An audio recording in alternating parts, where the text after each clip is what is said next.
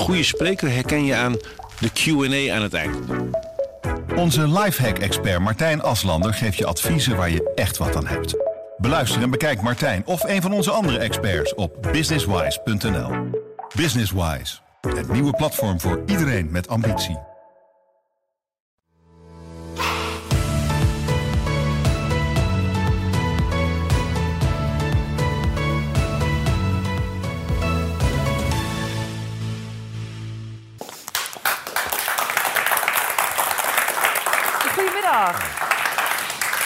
Goedemiddag allemaal. Uh, welkom bij de nieuwe aflevering van Van Torentje naar Torentje.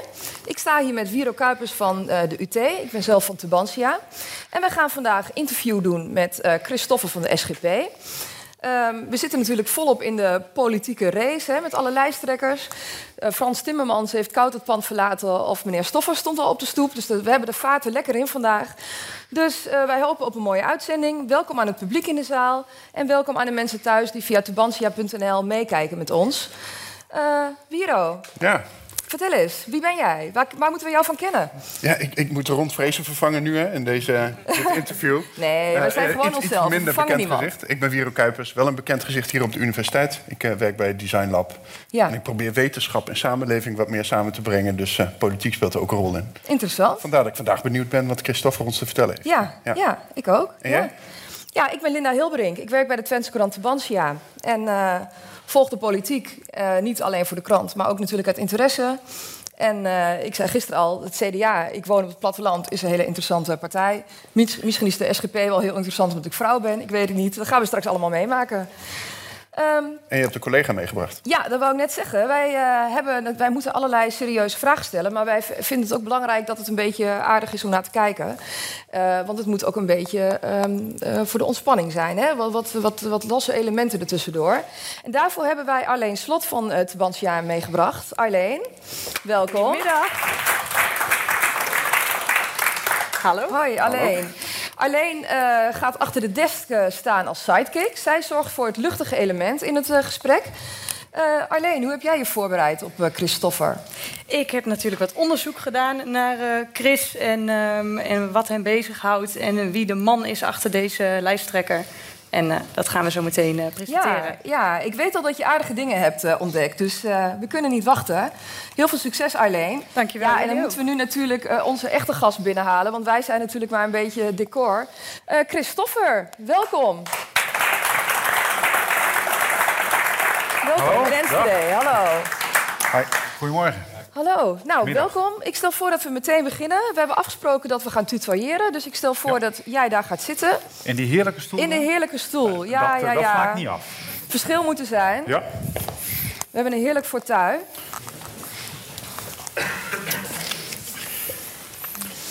En dan nemen wij deze. En moeten we eigenlijk zeggen, we- zeiden al welkom, hè? maar het is eigenlijk ook Ja. welkom terug. Volgens mij, want van, van de hele serie lijsttrekkers die we hier verwelkomen, is het bekend terrein voor jou. Zeker. Ja. Ja. Met de auto was het iets lastiger binnenkomen, maar op de fiets eh, ken ik het nog goed. Het is wel iets veranderd trouwens hoor. Je kunt minder makkelijk overal tussendoor, maar eh het is bekend terrein. En dat Ik, torentje, ik, dat weet niet of het bekend is bij het publiek, maar eh, je hebt hier gestudeerd. Ja. Ehm, civiele techniek. Ja, W- wanneer was dat precies? 93 tot 97. Oké, nominaal binnen vier jaar. Netjes. Sterker nog, ik was van mijn lichting de eerste die afstudeerde. Dat, eh, en niet dat ik, was, maar ik heb gewoon een zomervakantie doorgewerkt. Daardoor lukte dat net. Kijk, kijk. Ja. En hoe, hoe is het nu om terug te zijn hier op de universiteit? Ja, dat voelt toch een klein beetje als thuiskomen, moet ik zeggen. Dat, eh, nu vind ik sowieso, die oostkant van Nederland die bevalt me altijd goed. Ik heb hier ook veel gewerkt in deze omgeving later. Maar ja, het voelt een beetje als, eh, als thuiskomen. Ik heb alleen maar in Elspet gewoond en eh, hier in Enschede. Dus ja, het is een beetje een mooie omgeving. Dus, studententijd is een vormende periode. Ja. In, in, in hoeverre heeft die vier jaar hier in Enschede nou uitgemaakt voor de, voor de verdere stappen die je daarna hebt gezet? Ja, op meerdere manieren. Eén, ik heb civiele techniek gedaan. En eh, daarna ben ik echt in de infrastructuur ook altijd terechtgekomen. Ja, totdat ik de Kamer in ging. Hè. Dat, echt- Rijkswaterstaat heeft hij gewerkt, hè? Ja, ja. Arcades heb eerst je- en later bij Rijkswaterstaat. Dat heel lang. En eh, eh, ja, ook gewoon als mens vormt je... Natuurlijk, ik was lid van de reformatorische studentenkring. Het was een kleine vereniging hier. Ga ik in april nog weer een keer naar naartoe om een avond eh, te vullen. Maar ook dat vormt je natuurlijk gewoon in, in hoe je dat met elkaar doet. Ja? En was je toen ook al politiek actief? Nee, totaal niet. Nee? Nee. Ik had er ook nooit over nagedacht toen. Het enige wat ik hier nog weet, er waren eens een keer avond met verkiezingen, daar was Hans Wiegel. En dat vond ik wel geweldig, moet ik zeggen. Die kon zo'n zaal wel helemaal plat krijgen. Dat waren wel mooie avonden.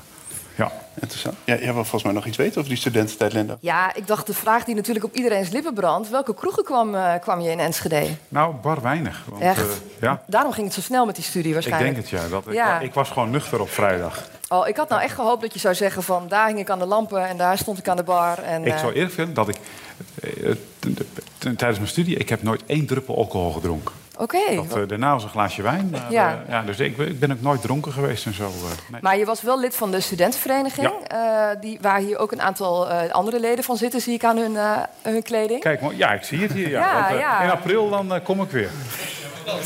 Misschien zit daar wel de nieuwe Christopher tussen, hè? Dat kan maar Zou- zo, ja. ja. Want wat deden jullie dan bij die studentenvereniging... als jullie geen bier konden drinken? Ja, van, eh, ja, dan moet ik wel heel ver terug in me. Maar we deden in ieder geval sowieso altijd bijbelstudie. Dus wat dat betreft, dat, die open bijbel die de SGP Ja. heeft... die heb ik daar natuurlijk al meegekregen. Dat was mooi. En ja, we, we aten samen. We hadden ook gewoon wel leuke avonden. En anderen dronken misschien wel bier. We hadden ook twee groepen. Je had een groep eh, christelijke sigarenrokers. Je had een andere studentenvereniging in het land. En een club die daar zwaar tegen was. Nou, ik zat Oh. bij die laatste. Oké. En dat kwam met name om... Ja, je zet je een beetje tegen elkaar af natuurlijk. Ja, Dus, eh, ja. ja. En hoe was dat dan om als jongen uit eh Elspet hier in Enschede te belanden? Want Enschede is wel iets groter. Ja, ja, een stuk groter. Dat, het is natuurlijk in het land niet eens een hele grote stad, maar Nee. voor mij was het echt wel Ja. een grote stad. Ik, ben het, ik, het ik woonde op zo'n flatje aan de Mira-straat met de langste tijd. En dan had je op een gegeven moment een aantal van die flatjes en had je zo'n stukje gras daartussen. Ik dacht, hier zit je met gewoon wel honderd gezinnen en het grasveld is net zo groot als bij ons achter het huis, zeg maar. Dus eh, nou, dat was allemaal wel even wennen. Ik ben daarna het, eh, leven op het platteland wel enorm gaan waarderen met eh, eh, eh, groen. En, Ja. eh, ja, terwijl het hier natuurlijk ook naar verhouding ook nog heel mooi groen is. hè. Ja, ja, ja.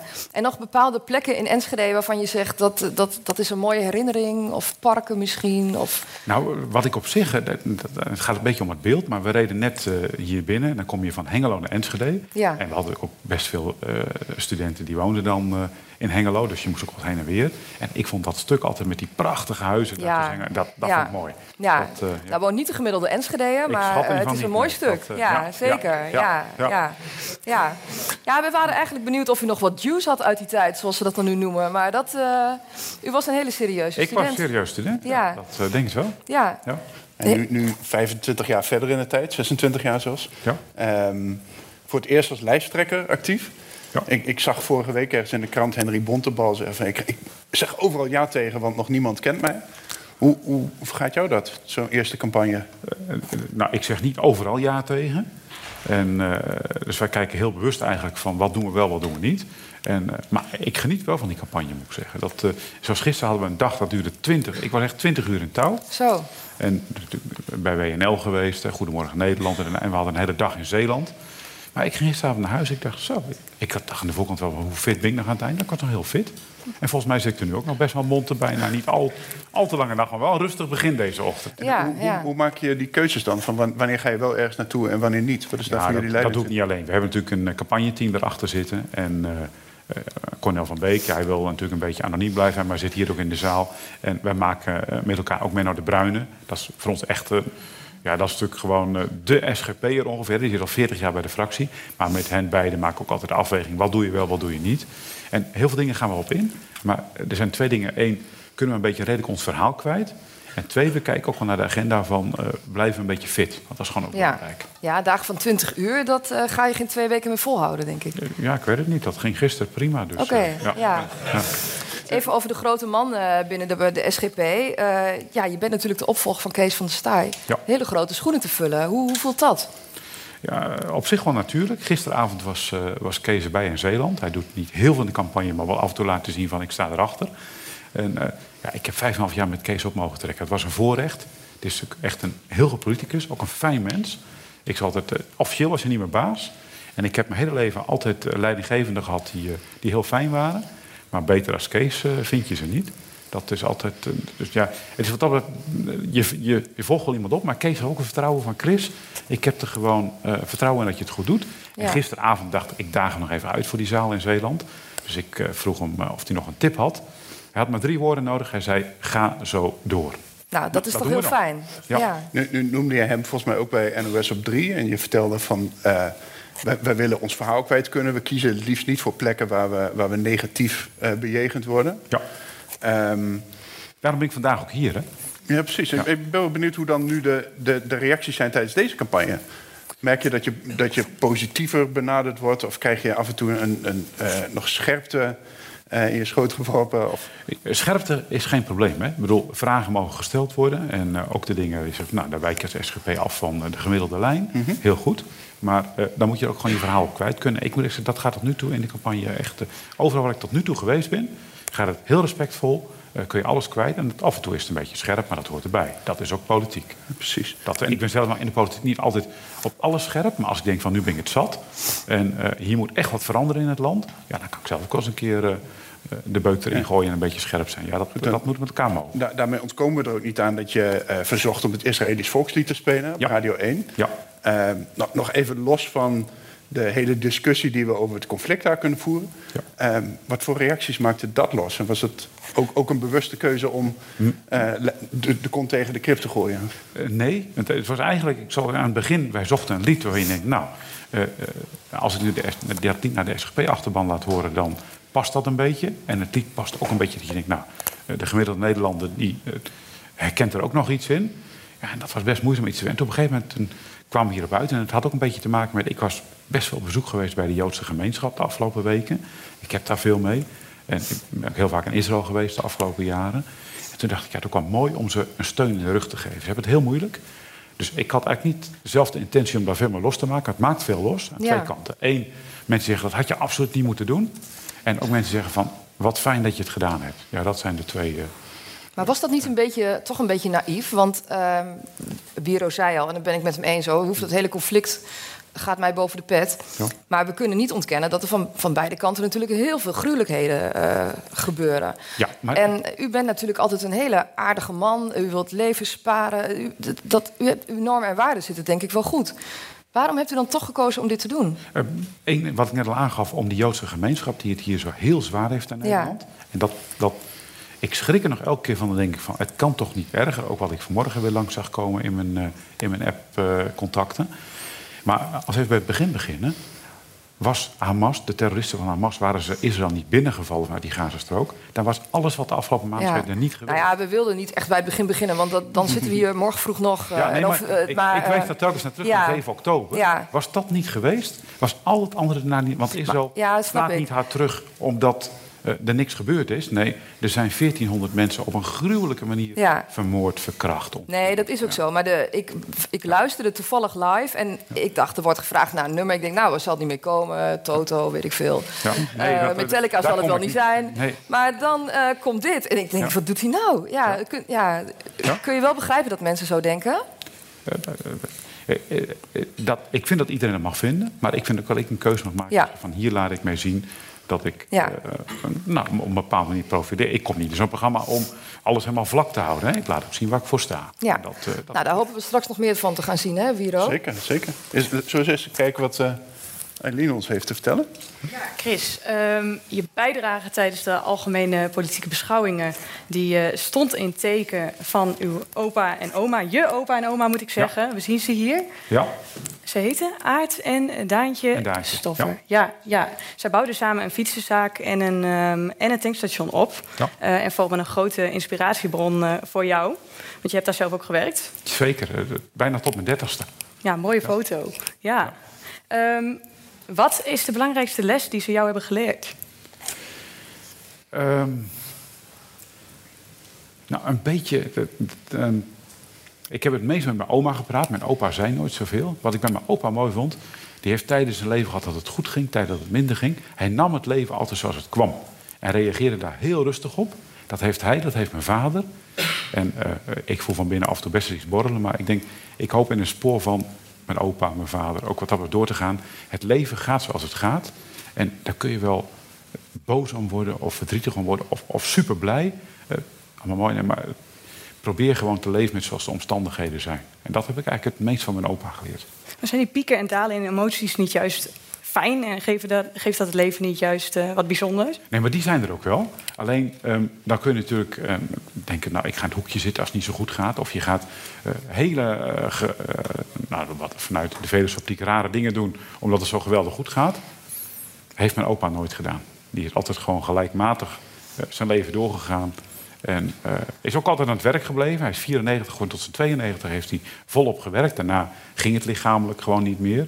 Dus je had ook meegekregen. Gewoon iedere dag eh, je werk doen. Hè? Dat, eh, Ja. ja, dat is best. Dit zijn ondernemers in hart en nieren. Absoluut. Ja, mijn oma was eigenlijk de ondernemer. Mijn opa was de vakman. De vakman, oké. Ja. Mijn oma was ook echt wel, eh, als het erop aankwam, dat was degene die de hele boel eh, stuurde. Zit het ook in jouw bloed, dat ondernemen, dat eh, vakmanschap? Eh, ja, een beetje eigenlijk wel. Dat, eh, ja, ik vond het wel mooi. Vooral, nou ja, komt natuurlijk wel wat leven. Maar met mijn oma, die zag op een gegeven moment natuurlijk dat in bepaalde dingen in het bedrijf wat anders ging. Die heeft me opgevoed van zorg dat de financiën op orde blijven. Eh, als de rekening niet betaald wordt, dan eerst deed zij dat. En toen ze wat ouder werd, dan moest ik er naartoe. Nou, dan waren er mensen die schopten je bijna de oprit af omdat je de rekening kwam innen. Maar dus ja, ook zorgen dat. Dat ondernemen gaat namelijk niet zozeer om van maximale winst te halen, maar zorg dat je klanten tevreden worden en je eigen bedrijfsvoering op orde is. En dat heb ik van ze meegekregen. Je hebt nog nooit een aannaam, aanmaning gehad. Ik denk dat ik wel eens een keer eh, iets niet betaald had omdat het er langs heen glipte, maar dan, daarna betaal ik hem altijd wel weer gelijk. Ja. Oké. Ja, nou, dat is toch fijn, hè? ja. Mooi, dankjewel. Dankjewel Arleen. Ja, dit is voor ons een heel mooi bruggetje naar het eerste onderwerp wat we graag willen bespreken. We hebben vandaag drie onderwerpen. En het eerste is het thema waar Wiro en ik mee zijn gekomen. Want wij dachten, de SGP is natuurlijk de partij die het gezin heel hoog in het vaandel heeft staan. Hoe zit het nou met het gezin van Christopher himself? En eh Arleen heeft dat natuurlijk heel mooi afgetrapt met de fietsenzaak. Ik begreep dat, eh, kijk, 19 jaar getrouwd. Ja. Dat is eh, een mooie foto. ja. Eh, maar ehm, ja, in die fietsenzaak begon dat natuurlijk. Zelf ook eh, wielrennen, begreep ik. ja.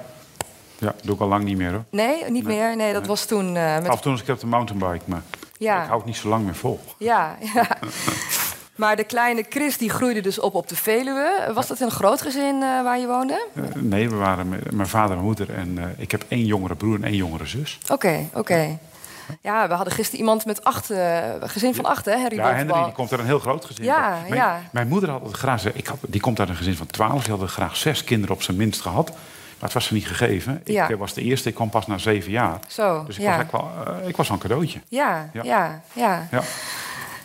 Maar goed, ehm, er waren natuurlijk ook donkere wolken, begreep ik. Want eh, moeder is overleden toen je nog maar 13 jaar oud was. Dat was natuurlijk een hele heftige fase, denk ik, eh, Ja. Binnen het gezin. Heeft dat, heeft dat je eh, tot een doorzetter gemaakt, waar we, het net al, waar we net al van hoorden?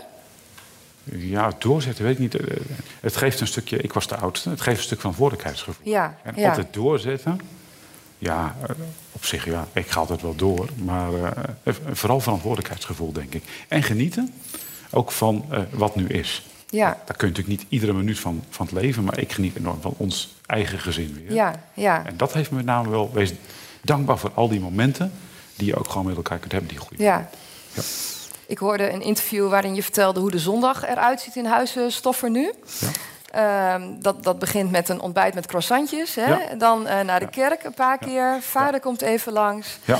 Ehm, die, eh, die zondagrust, hoe, ehm, hoe heilig is dat voor, voor jou? Ja, eh, heilig. Nou, kijk, ik zeg altijd van mijn eigen perspectief, het is eh Gods dag. Ja. Dus die is heel belangrijk. En ik heb ook een periode in mijn leven gehad dat ik daar best wat anders tegenaan keek. Ehm, ik ben dat enorm gaan waarderen. Dat komt door Sophia. Die, komt, eh, die heeft mij wat dat betreft destijds ook echt goed op dat spoor gezet. En ik waardeer het enorm. Eh, ook nu in de campagne, al het werk wat je doet, dat je gewoon zes dagen van alles kunt doen wat je wil. En Ja. dan de ene dag, ja, dan hoef je niet zoveel. Natuurlijk koken we eten en we gaan naar de kerk. Dus je bent ook wel dingen aan het doen. Ja, Maar eh, het voelt echt als eh, weer een nieuw begin. Dus ik zeg altijd, er was ooit een keer een predikant, toen kwam ik in huis en toen hadden we het iets over. En die zei tegen mij, Chris, het is toch wel geweldig. Je krijgt eerst een dag om uit te rusten en dan hoef je pas zes dagen aan het werk. ja, ja. Nou, zo zie ik hem eigenlijk ook. Ja, na dagen van 20 uur is dat wel welkom. Dat kan ik me wel voorstellen. ja, ja, ja. Ja, maar waar, als we dan een beetje gaan praten over de grenzen. Als een van de dochters nou straks arts wil worden, ik noem maar iets. ja. Dan zal zij ook op zondag moeten werken. Hoe? Ja, nou, dat, dat zijn werken van barmhartigheid, zoals we dat noemen. Dus Ja. dat kan sowieso. Ja, Maar eh, kijk, ik hoop dat onze dochters in ons spoor gaan. ja, Maar als ze helemaal 18 zijn, de oudste gaat bijna die kant op. Dus ik heb al gesprekken met haar over Ja. hoe ga je je leven inrichten. Nou, precies weet ze het natuurlijk niet. Maar eh, ik kan mijn dochters niet dwingen in hoe je je leven Nee. gaat inrichten. Hè. Dat is dus. Eh, ik hoop dat de opvoeding hebben meegekregen en dat ze doen zoals ongeveer als wij het doen. Ja. Maar eh, het, het zijn Nee, want- zelfstandig vrije mensen straks. En als ze bij de McDonald's wil werken, dan is het niet een werk van barmhartigheid, denk ik. Dan, Nee. dan zou je zeggen van eh, liever niet op zondag. Zeker, wat mij betreft niet. Maar ik kan haar natuurlijk niet dwingen om dat Nee. niet te doen. Ik hoop dat ze het niet doet. Ja. Ik hoop dat ze die waarde van die zondag ook inziet. Maar eh, ja, eh, dan zijn het eigen zelfstandige mensen Ja. die zelf keuzes maken. En al enig idee... Los van, de, los van de zondag, dat, het, het, het gezin op die zondag en het, het, de, de waarde van dat samen zijn. Ja. Ik weet dat eh, jullie hebben initiatief genomen om, eh, om het gezin ook echt in de grondwet te verankeren. Ja. Is dat nou echt nodig? Ja, ik vind dat het gezin in Nederland er heel bekaaid afkomt. En eh, ook veel bekaaider dan, we zitten hier vlakbij Duitsland. Maar pas ging iemand bij mij uit het dorp, die heeft een aantal jaar in Duitsland gewoond. En die kreeg daar ook een kind. En die zei, nou Chris, als je het verschil ziet... ehm, hoe dan in Duitsland zeg maar, eh, zaken lopen hier in Nederland. In Nederland doen we dat echt heel erg gericht op individualisme, op iedereen en naar de arbeidsmarkt. En ja, eh, echt gezinsbeleid eh, doen we niet aan. Dus eh, dat gezin de grondwet, dat is mij betreft echt een soort fundament leggen we neer. Om te kijken van kunnen we dan ook gewoon goed gezinsbeleid met elkaar eh, gaan ontwikkelen. Nou, Wat- en ik heb al een paar medestanders. Hè? CDA, ChristenUnie en BBB doen al mee. Er Ja. zijn al meer eh, partijen enthousiast. Dus ik hoop dat we daar Nederland ook een beetje mooier mee kunnen maken. Wat is, wat is goed gezinsbeleid? Nou, dat er aandacht voor is. En dat je eh, niet alleen maar... Kijk, ieder gezin is weer eh, een zelfstandig gezin. Hè, dus je moet niet bepalen hoe dat gezin precies zijn ding doet. Maar dat je zorgt dat er financiële mogelijkheden zijn om eh, zelf te kunnen kiezen... hoe je werk en zorg invult. Eh, zowel voor je eigen gezin als ook weer... eh, Nou, we zijn net met opa en oma, hè, maar ook het gezin waar je uit voortkomt. Daar is vaak ook nog wel eens iets eh, te helpen op een gegeven moment. En dat je ook weer aandacht kunt hebben voor, nou ja, zoals mijn dochter, gezinnen die weer uit jouw gezin voortkomen. Dus die doorgaande lijn, dat we zeggen, gezinnen in alle fasen van het leven doen ertoe. En hoeven niet alleen maar een soort arbeidsproductiviteit te leveren, maar kunnen ook met elkaar gewoon leven en zorgen. Ja, want jullie zijn er niet voor dat ehm, eh, twee verdieners bijvoorbeeld worden gestimuleerd. Jullie zeggen het ideaalbeeld is eigenlijk dat er één iemand werkt en de andere toch meer met het gezin eh, Nee, nee, bezig nee, kan. nee, nee, nee, nee. Wat ons betreft maak je in het gezin gewoon zelf uit hoe je dat doet. En Ja. Bij de een gaat het anders bij de ander. Mijn vrouw eh, werkt bijvoorbeeld ook volop. Bij ons kan dat. Ja. Omdat bijvoorbeeld mijn vader en mijn schoonouders ook al vaak hebben geholpen met de oppas. En het met de kinderen goed gaat. Maar er zijn ook gezinnen waarbij iemand ziek is of dat allemaal niet lukt. Nou, dan moet je ook de keuze hebben zeggen om dat anders te doen. Maar keuzevrijheid, dat Ja. is voor ons het belangrijkste woord. Ja, Ja. En dat heeft Duitsland wel. Die hebben in ieder geval, ik heb het niet tot in de haarvaat uitgeplozen. Maar het was wel mooi. Het was iemand die woonde tijdelijk in Beieren. En die zegt, nou, als je ziet wat voor een mogelijkheden hier zijn qua ondersteuning. En eh, ook financieel allerlei dingen die je, die je kant oprollen. Ja, dat eh, zag er in ieder geval een stuk beter uit. Ja. En dan eh, stelde je ook voor, ehm, we moeten gratis relatietherapie inv- invoeren voor mensen die eh, misschien iets te snel gaan scheiden. ja. Ehm, dat is ook een voorstel wat natuurlijk eh, niet alleen maar hoera geroepen heeft opgelost of opgeleverd. Ja. Hoe gaat het nou als, als je vrouw thuiskomt en zegt... ik noem nou even iets extreems... ik heb een verhouding met de buurvrouw... heb je dan nog zin om met haar in therapie te gaan? Hoe ver gaat je, ga je daarin?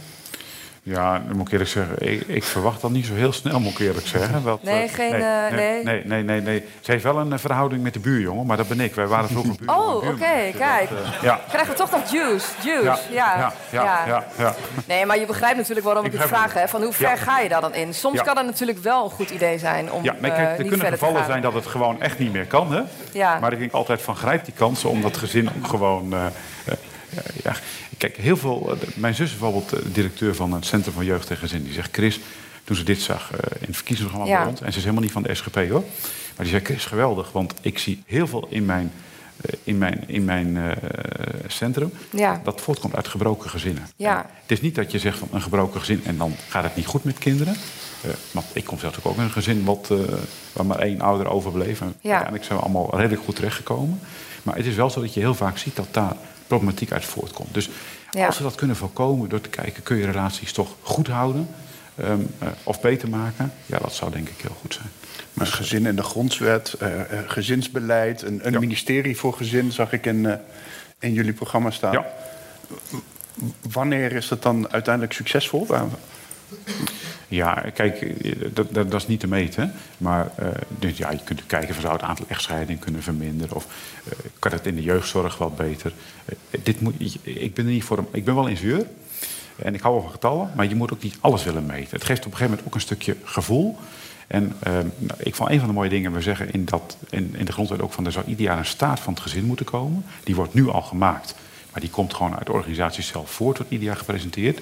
Daar zie je dat ouders eigenlijk, die zeggen van we zouden graag dit willen. Maar als ik kijk wat we waar kunnen maken, dan geven we onszelf weer een veel lager cijfer in de uitvoering. Nou, je zou kunnen zeggen, als dat beter naar elkaar toe kruipt, als je zegt van dit zouden we graag willen. En uh, er komt ongeveer uh, gelijk uh, dat uit, zeg maar. Als dat naar elkaar toe kruipt, dan zou het in ieder geval beter zijn. Dus de jaarlijkse staat van het gezin zou wat mij betreft dan een mooi eikpunt zijn. En daar zitten harde graadmeters in en zachtere. Maar uiteindelijk gaat het natuurlijk om van... hebben mensen in het land een beetje het gevoel dat ze een redelijk goed leven hebben wat dat betreft. Ja, maar we hadden hier net uh, Frans Timmermans zitten. Kijk, niet alle partijen zijn er natuurlijk zo into uh, dit soort standpunten. En die zei van, als ik dan hoor wat de SGP wil met vrouwenrechten... dan moeten mijn uh, dochters weer de strijd voeren die hun, hun moeder vroeger had. Dat gaat terug in de tijd. Wat, wat vind je daarvan? Ik denk dat uh, Frans Timmermans uh, te lang misschien in Europa heeft gezeten. Maar uh, laat hij maar een keer bij mij thuis de koffie komen. Kan hij met mijn vrouw en mijn dochter spreken. En ik denk dat het er dan heel hard meevalt. Ja, jouw vrouw heeft, ja, we zeggen de broek aan. Maar ik weet niet of dat een goede is voor SGP-kringen. Maar... Nee, ze draagt meestal een rok of een jurk. Ja. Maar en, wij doen alles samen. Dus we zijn een team. En je overlegt met elkaar. En natuurlijk, kijk, Sofie was een keer zagrijnig van Chris je zou wel iets meer thuis mogen ja, zijn. wanneer gebeurt dat? Uh... Nou, vanochtend vond het eigenlijk helemaal niet zo leuk dat ik natuurlijk weer op pad ja, ja. Maar wij zijn een team, we proberen samen te doen. En je probeert altijd een evenwicht te houden. Dus nee, we zijn wat dat betreft ja. echt... we zijn best een goed team, vind ik eigenlijk. Nou, dat is en een mooie Sofie dat ook vindt, ja, dan moet ik aan haar vragen. Maar we hebben het er geregeld over. En er stond net 19 jaar getrouwd. Ja, dat hebben we met veel vreugde samen volgehouden. Ja, nou, dat klinkt uh, goed allemaal. Je, je, je, zei zo net, of we weten, je dochters zijn intussen wat ouder. Je zet een net je glas water daarnaast die kinderschoentjes die we hier ja. hebben staan. Ja. Het is ook een beetje bedoeld om dit item rond te maken. Want we, we begonnen zo straks met die foto van je opa en oma. Ja. Van de fietsenmaker. Ja. Um, deze schoentjes, de, er is een beweging, die heet het ministerie van de toekomst. Uh, die pleit ook voor een ministerie. Ja. Maar die zetten overal dit soort schoentjes neer. Uh, dit zijn de schoentjes van Hanna uit 2070, volgens mij.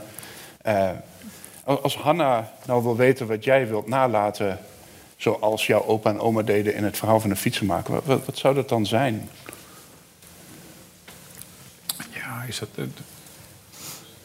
Dus het, je, je zei zo straks, ik wil het spoor van mijn opa en van mijn vader wel doorzetten. Maar ja. is, is er echt iets waar jij met de SGP of, of jij als persoon je stempel op wil drukken? Nee, ja, kijk, ik zou het liefst zien eigenlijk dat, uh, dat heel Nederland weer uh, christelijke waarden en normen zou uh, omarmen. Dat zou ik eigenlijk wat mooist vinden. En dat, nou, we hebben net een aantal dingen gesproken rond gezin. Maar dat zou ik mooi vinden, zondagsrust. Dat je denkt, nou, met elkaar hebben we weer een goed leven. En nou, in, die, in die open Bijbel, ik verwijs altijd naar de tien geboden. Dat, er zijn de vier gaan over God en zes gaan over hoe je met elkaar leeft. Maar als we een beetje die richting op zouden gaan... En mensen zouden in 2070 zeggen... nou, Chris heeft in ieder geval zijn best gedaan om ons dat mee te geven. Waarbij iedereen dan natuurlijk in, in, in, eigen vrijheid ook een beetje kijkt... van nou, hoe we dat ongeveer vorm? Dat zou ik eigenlijk wel mooi vinden. Ja. En meer ja. dan dat hoeft niet te zijn. Ik hoef geen grote dingen ja. aan te laten. Dan moet ze wel de goede Chris voor zich hebben, Eileen, denk ja. ik. Misschien heb jij daar goed, uh, ja. goed intermezzo over. Het is tijd voor een quiz. Uh, je staat natuurlijk als lijsttrekker zeer in de belangstelling, maar je bent niet de enige Chris die in de belangstelling staat. Er zijn nog veel meer Christen en we zijn benieuwd hoe goed jij op de hoogte bent van die Christen, die naamsgenoten. Dus we doen de grote Chris-quiz. Kijk. Oké. Okay. Nou, deze ken ik niet. Echt niet? Nee? Dit is een uh, presentator en programmamaker. Zijn naam is Chris Segers. Kijk. Nederlandse presentator. Ja. De volgende. Die ken ik ook niet. ja. Functie misschien? Ja, hij zal, hij, hij zal zingen, maar... Uh... Dit is uh, Chris Martins van Goldplay. Hij zingt dan ook niet het uh, Israëlische volkslied. Dus, Kijk. Ja, nee, dat verklaart het misschien. Nee, er was pas wel iemand dat ging over Coldplay. Ik, zei, ik weet eigenlijk helemaal niet wat voor band dat is. Oké, okay, nee. Vroeger bij, bij de RSK was ook een band, daar hadden we wat verschillende gedaan. Maar dat was Colorplay, maar dat is wat anders. Oh, ja, ja. Je was niet bekend met Coldplay dan? Ja, ik weet dat het bestaat, maar uh, voor de rest, als je een nummer zou draaien, zou ik niet weten of het daarvan is of niet. Oké, okay, nou het is dat we nu geen nummer op kunnen zetten, maar misschien dat je hem dan zou herkennen. Um, een tip, dit is een acteur. Ja, zeg me ook niks. het is uh, Chris Evans, als ik het goed uitspreek. Ja, deze wel. Dat is mijn collega Chris Simons uit Zeeland. Van de VVD. Ja. Top, 100 punten. En deze wellicht? Dat zegt me ook helemaal niks. Een zanger, Chris Brown. Ken de naam? Ik, ik heb wel eens een keer gezien dat zijn naam eens voorbij kwam, maar uh, nou, dan weet ik nu ook hoe die eruit ziet. Uw dochters luisteren, of jouw dochters luisteren ook niet naar dit soort muziek? Ik, uh, ik, of gaat het met oortjes? Ze luisteren met, met, oortjes. Wat ze precies luisteren, dat, dat weet ik niet. Dat controleer ik ook niet allemaal nu ze op leeftijd zijn. Dus ik zal het vanavond vragen. Ja, dus, ja. ja. En de laatste, hè? Ja, ja die herken ik wel. Zit Ja, erover in de spiegel.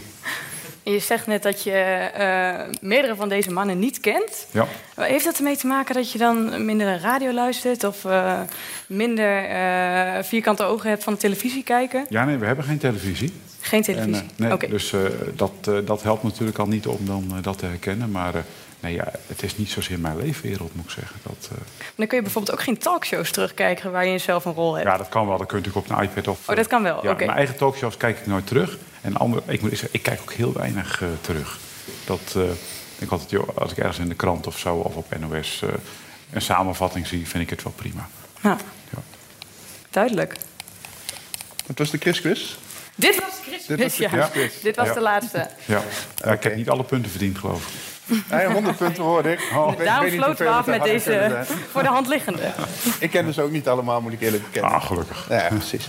Eh, wij, wij herkennen elkaar nu. We hebben eh, de opbouw van dit gesprek eh, kent een aantal thema's. We hebben zo net even het gezin, eh, het gezin als thema aangestipt. Ja. Ehm, een, een thema waar we zo meteen bij stilstaan, zorg, heb je zelf aangevoerd. Maar eh, hier in Twente, te gast bij Tubantia en Universiteit Twente... kunnen we er niet aan ontkomen dat het thema de regio...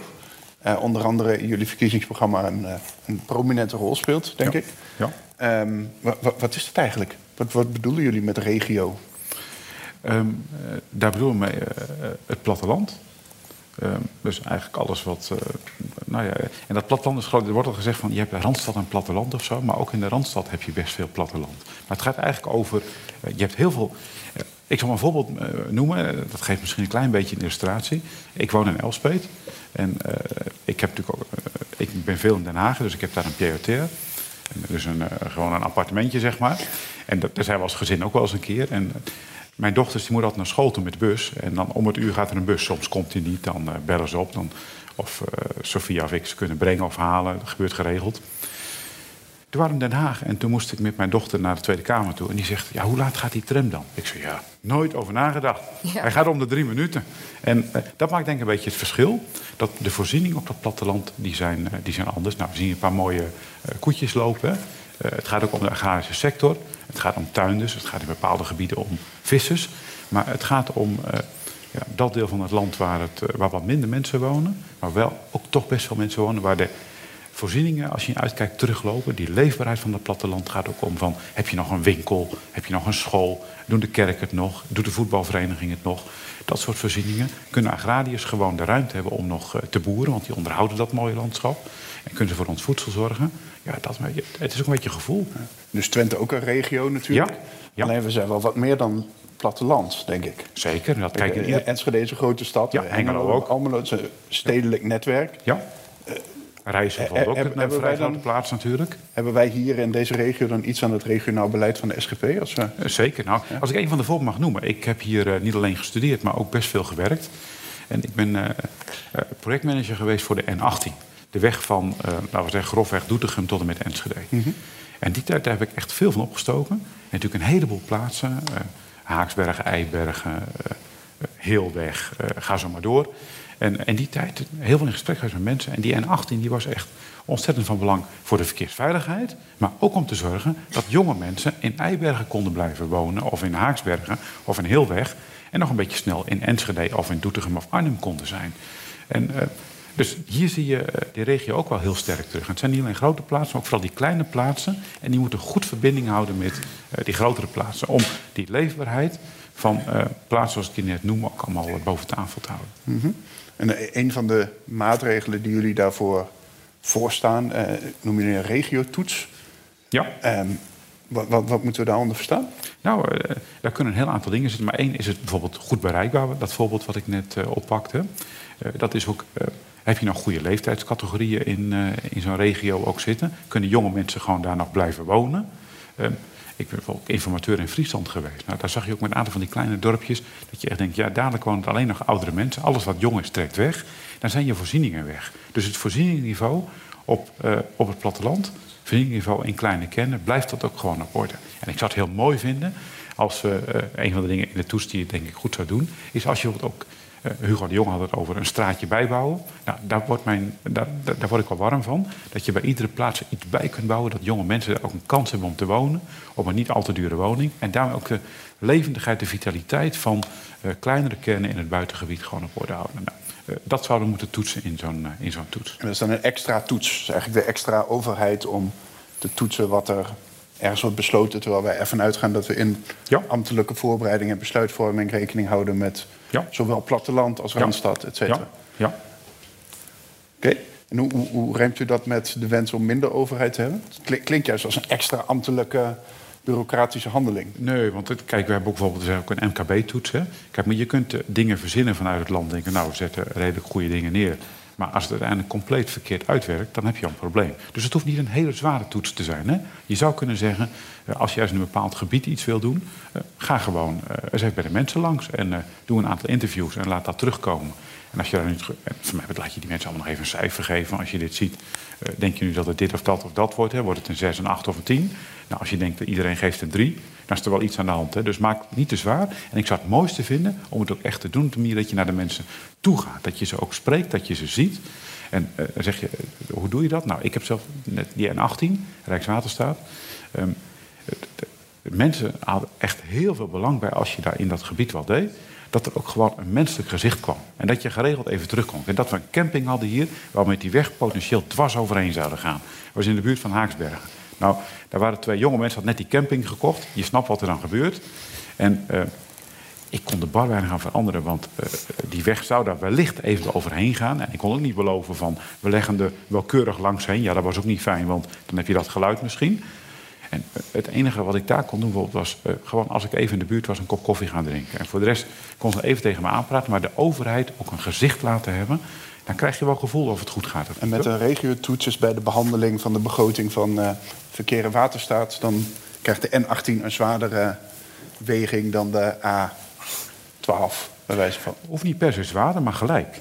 En niet alleen de N18, maar ook de N35 of de N36, maar ook uh, die wegen. Maar dat dat gelijk komt. En wat je heel veel ziet, is als er een stukje infrastructuur aangelegd moet worden over, uh, laten we zeggen, tussen Utrecht en Den Haag. Ja, dan, uh, dat moet gelijk allemaal uit de Rijksoverheid komen. Wil je hier wat, die N18 bijvoorbeeld, die is voor de helft betaald vanuit de regio. Dus het lijkt wel als je ergens een stukje weg aanlegt, wat verder op het platteland, dat dan ook gewoon de provincie en de gemeente allemaal bij moeten betalen. Nou, dat vind ik al een heel slecht teken. Je noemde en, net uh, de N35, hè? Ja. En uh, daar wilde ik ook nog aan vragen. Uh, want dat is, is, natuurlijk een heet hangijzer hier in Twente, die weg. Ja. toevallig hadden wij afgelopen zaterdag een groot artikel in de krant. de weg werd jarenlang betiteld als, als karrenspoor. Maar ja. er gebeuren ontzettend veel ongelukken. Bijna 400. Ja. Um, en dat weet je natuurlijk vanuit de tijd Ja. van Rijkswaterstaat. Ja. Nu ligt daar nog een potje geld die, dat eigenlijk naar Twente zou komen. Is nog niet gebeurd. Ga je je daar hard voor maken? Ja. En uh, dat is natuurlijk, uh, daar hebben ook andere partijen het voortouw ingenomen. Wij hebben toen gezegd, nou dan pak ik bijvoorbeeld de A28, hè, met knoop en behoevelaken. Maar Ja. BBB ging bijvoorbeeld ook uh, voor oplopen bij het geld naar de N35. Hebben we ook volop gesteund. En dan kan iedereen even zijn eigen ding pakken, want je kunt als niet alles, hè, Ja. maar dat steunen we volop. Moet ook. Is, dat, eh, is die N35 voor Twente nu het grootste hangijzer wat, eh, wat jou betreft qua infrastructuur? Op infra, ik denk het wel, maar als ik er naar bij kijk, dan denk ik ook de N36. Dat is een weg die wordt minder vaak genoemd. Ja. Dat is een weg, daar kon je oorspronkelijk 100. Dat is ook een weg waar Nou, daar komen gebeurt. maatregelen volgens mij. eh, Ja, voor. nou dat is mooi. Ja. Want in het verleden, Ja. toen ik aan Barrix zat, hadden we altijd al Ja. dingen klaar liggen, maar het geld moest er nog bij. En eh, dat is echt hard nodig. De N36 die heeft in de krant eh, te vaak als dode weg gestaan, Ja. inderdaad. Eh, Ja. ja. daar heb Ja. je gelijk in. Ja. En als ik dan kijk naar openbaar vervoer. ehm Timmermans zei je net, eh, er mag nog wel een extra treinverbinding naar het oosten erbij. Vanaf de Veluwe, Almelo, Hengelo, Enschede, misschien Duitsland in. Is dat iets waar de SGP zich in kan vinden? Ehm, eh, ja, nou, ik denk dat zeg maar, de lijn van eh, Apeldoorn, eh, Almelo, ja, Deventer zit er nog tussen. Hè, maar Ja. dat dat op zich best goed loopt. Ik heb in Ja. die trein vroeger heel veel zelf gezeten. Ja, Maar ik zou nog meer... Kijk, kijk, die verbinding naar Duitsland is denk ik wel belangrijk. ja, En daar wordt ook wel stevig voor gelobbyd. Ik denk dat dat heel goed is, internationale verbindingen. Want dan kun je ook vliegverkeer weer verminderen. En dat scheelt een hele hoop uitstoot. En ik zou vooral kijken, ook kun je dan de vertakkingen... naar die grotere plaatsen die we net noemden... vanuit de kleinere plaatsen ook goed op orde houden. En daar liggen ook best wel opgaven in het hele land. Van die grotere plaatsen zijn dan best redelijk goed ontsloten met openbaar vervoer. Maar hoe kom je daar dan? Hè? En eh, dat, dat moet ook. eh, en ik snap heel goed dat je in je treinverbinding van een klein dorpje naar eh, de grote stad aanlegt. Maar dat je dan flexibel, redelijk goed busverkeer hebt. Ja. Wat die kant op kan. Ja, dat, eh, dat is ook wel essentieel. Want anders hebben een heleboel mensen er ook nog niks aan. En wat betekent de regio dan voor Christoffe? Want je noemde net zelf natuurlijk reizen. Nou, reizen Holte is natuurlijk... Nou, Holte kan ik wel even weglaten. Maar voor de SGP is reizen natuurlijk eh, een hele belangrijke Zeker. partij. Ja. Ehm, hoe zit dat in elkaar? Want ja, kun jij ook nog veel kiezers trekken in andere delen van Twente? Of is het toch al een beetje op safe, ja, dat het niet zoveel uitmaakt wat je zegt? Want je krijgt toch wel de, de, de kiezers. Hoe werkt dat? Nee, voor iedere kiezer moet je hard werken. En wat wij bijvoorbeeld ook doen, we hebben in deze campagne eh, een regiotour. En dan gaan we ook echt, eh, want de, de belangrijkste kiezers die je hebt, dat zijn je eigen trouwe achterban. Ja. We willen graag nieuwe kiezers. Eh laatst in ons programma kijken naar goede dingen, maar vooral onze eigen trouwe achterban. Dus vorige week zijn we ook eh, eh, hier geweest in dit gebied. Zijn we Ja. op bezoek geweest eh, in Enschede. Eh, we zijn eh, ook in Rijssen zelf geweest. Maar eh, eh, die avond die, die eindigde wel in Rijssen. Want ja, onze eigen trouwe achterban daar ook goed spreken en weten wat er leeft, dat is Ja, essentieel. dat is het epicentrum. Ja. Oké, in bedankt. Enschede en Hengelo, ik nodig ze van harte uit om ons te stemmen. Ja, oh, wat Ja. sympathiek. Ja, ja. ja, ja, ja. Ik wil toch nog één vraag stellen over die regiotoets... voordat we weer naar Eileen toe gaan. Ehm, de- de- ik- misschien ken je het, hè, het rapport Elke regio telt. Ja. Dat is één van de, eh, een van de bronnen waarin wordt geopperd... om structureel te investeren in regio's... en in die verbinding tussen Randstad en regio... meer de balans tussen die twee eh, in ere te herstellen. Maar er werd als een van de alternatieven ook een, een, eh, een kansenagenda voor een regio geopperd. Ehm, juist waarbij de regio zelf kan bepalen waar ze op willen investeren, waar ze op willen inzetten, passend bij het karakter van dat gebied. In hoeverre sluit, sluit zo'n suggestie nou aan bij de standpunten van de SGP? Of is die regiotoets voldoende, afdoende, dekt die de lading voor de, eh, voor de afwegingen die jullie in de regio van belang vinden? Nee, nu heb ik dat debat niet zelf gedaan. Dat heeft mijn collega Rolf Bisschop gedaan. Het was Binnenlandse Zaken, dat is zijn portefeuille. Maar ik, mm, ik zou er wel wat meer in willen kijken. Wat, wat betekent dat dan precies? Hè? Kijk, want het kan natuurlijk zijn dat je denkt, ja, eh, wat wordt er verzonnen? Maar gemiddeld genomen merk ik dat in regio's vaak hele goede plannen zijn. En dat men heel goed weet van hoe kunnen we bijvoorbeeld de economie stimuleren. Dus eh, ik denk dat het heel goed zou kunnen zijn. Eh, Maar je moet met elkaar wel even heel goed kijken dat dan ook iedere regio er goed uitkomt. Want wat je ook wel eens ziet is dat de ene regio eh, net wat beter lobbyt, wat harder roept. En daarmee terechtkomt. En dan denk ik wel, je moet ook kijken naar die regio's waar iets minder hard geroepen wordt. Maar ook goede plannen zijn. Dus wat dat betreft wel eigen verantwoordelijkheid prima. Maar er moet ook wel Er moet evenwicht in zitten. Ja, evenwicht. ja, Ja. ja. Oké, dan denk ik dat we nu naar de sidekick moeten. Arleen, kom er maar in. Ik kom erin. We willen het graag even met, eh, met je hebben over een opvallend eh, punt in het verkiezingsprogramma van de SGP. Ehm, ik lees het even goed voor. Daarin staat dat reclame voor bedrog en overspel vrij baan krijgt. Jullie zijn ook tegen sites als Second Love. Die natuurlijk aanmoedigen om nou ja, een tweede partner daarnaast eh, te zoeken of nou ja, voor een lolletje. Er zijn nog veel meer datingsites. Eh, Tinder bijvoorbeeld, daar, daar komen we. Er is onlangs een expositie in Hengelo geweest. En ehm, daarin eh, was aandacht voor deze bijzondere eh, Tinder-profielen, kan ik wel zeggen. Er zijn nog veel meer datingsites. Bumble, ehm, Fruits, een nieuwe datingsite. Ehm, ik ben wel heel erg benieuwd. Hoe kijk je aan tegen ehm, dit soort datingsites als de basis voor eventuele rom- romantiek? Is het een goede basis? Ja, ik, ik ken ze niet, maar ik, ik, ik kom geregeld mensen tegen die zeggen van uit een bepaalde datingsite hebben we elkaar ontmoet en daar staan mooie relaties tussen. Dus ja, ik denk dat dat. eh, ik- ik ken het niet exact, maar als het nu echt gericht is op van eh, je zoekt elkaar op om samen een goed leven te hebben, dat kan, eh, dat kan denk ik prima werken.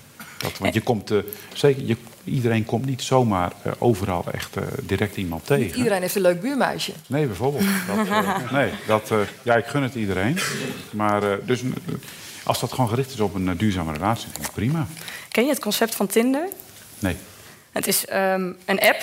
Ja. Je krijgt een afbeelding van iemand voor je. De meest, eh, vaak een, een hele mooie afbeelding. Niet dit soort afbeeldingen. Ehm, en vervolgens kun je naar links of naar rechts swipen... om eh, te bepalen of je met dezegene in gesprek wil... of eventueel een date wil aangaan. Het is dus wel echt gericht op uiterlijk. Ja.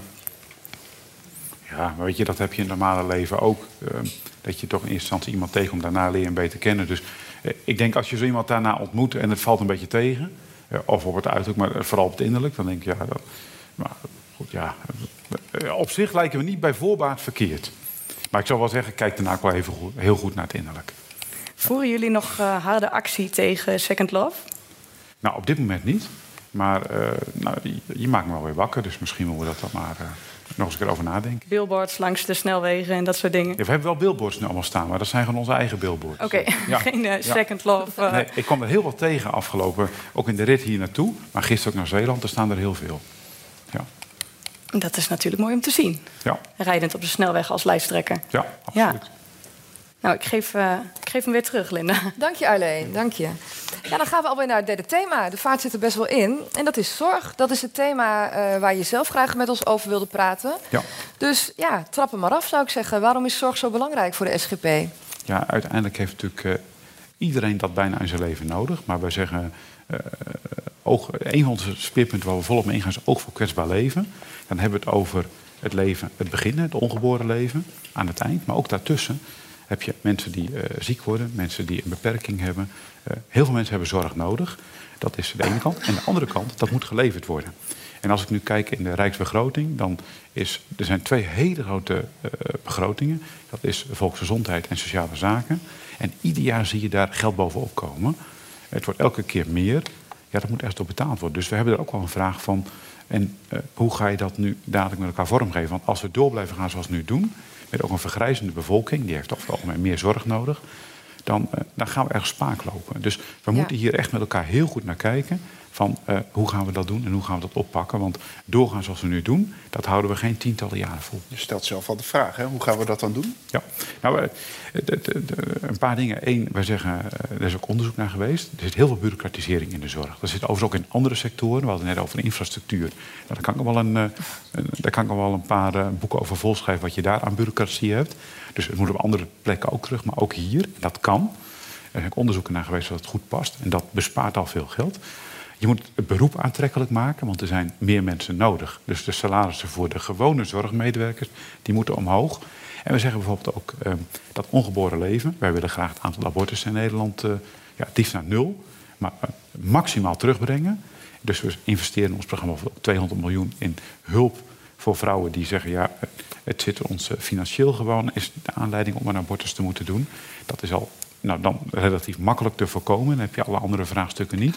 Dus daar investeren we in. Mantelzorg. We hebben heel veel betaalde zorg in Nederland. Veel meer dan ook in eh, heel veel omringende landen. Dus weer wat terug naar informele zorg, mantelzorg.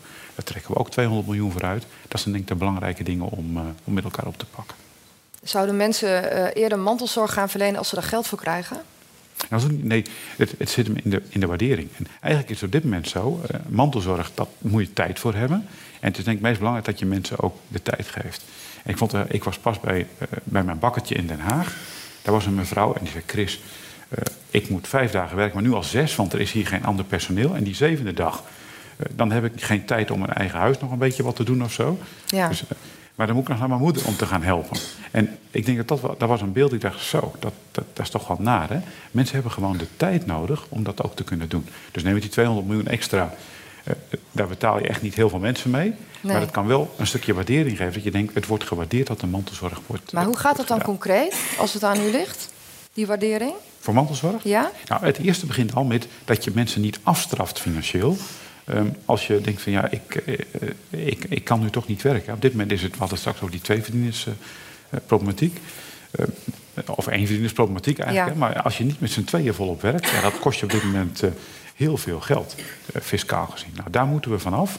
Dat zou al de eerste prikkel zijn. En daarnaast kun je natuurlijk in de vergoedingen eh, van mantelzorg, daar kun je nu ook telkens in mantelzorgwaarderingen wat doen. Dat is natuurlijk zeer beperkt. Hè? Het gaat meer om, nou, wij spreken het bloemetje wat je dan hebt, maar het leuke dingetje van iemand wordt gewaardeerd dat hij ook gewoon uh, mantelzorg verleent. Ja, dat, dat zijn eigenlijk de dingen waar je het uh, over hebt. Dus Ja. het gaat met name om de waardering en ook laten zien. En niet dat mensen daar bakken geld voor krijgen, want dan is het ook geen mantelzorg meer. Je had het net al even over eh, abortus. Eh, bekend standpunt natuurlijk van eh, de SGP. Ja. Ehm, ik vind dat best wel moeilijk te rijmen met jullie standpunt over de doodstraf.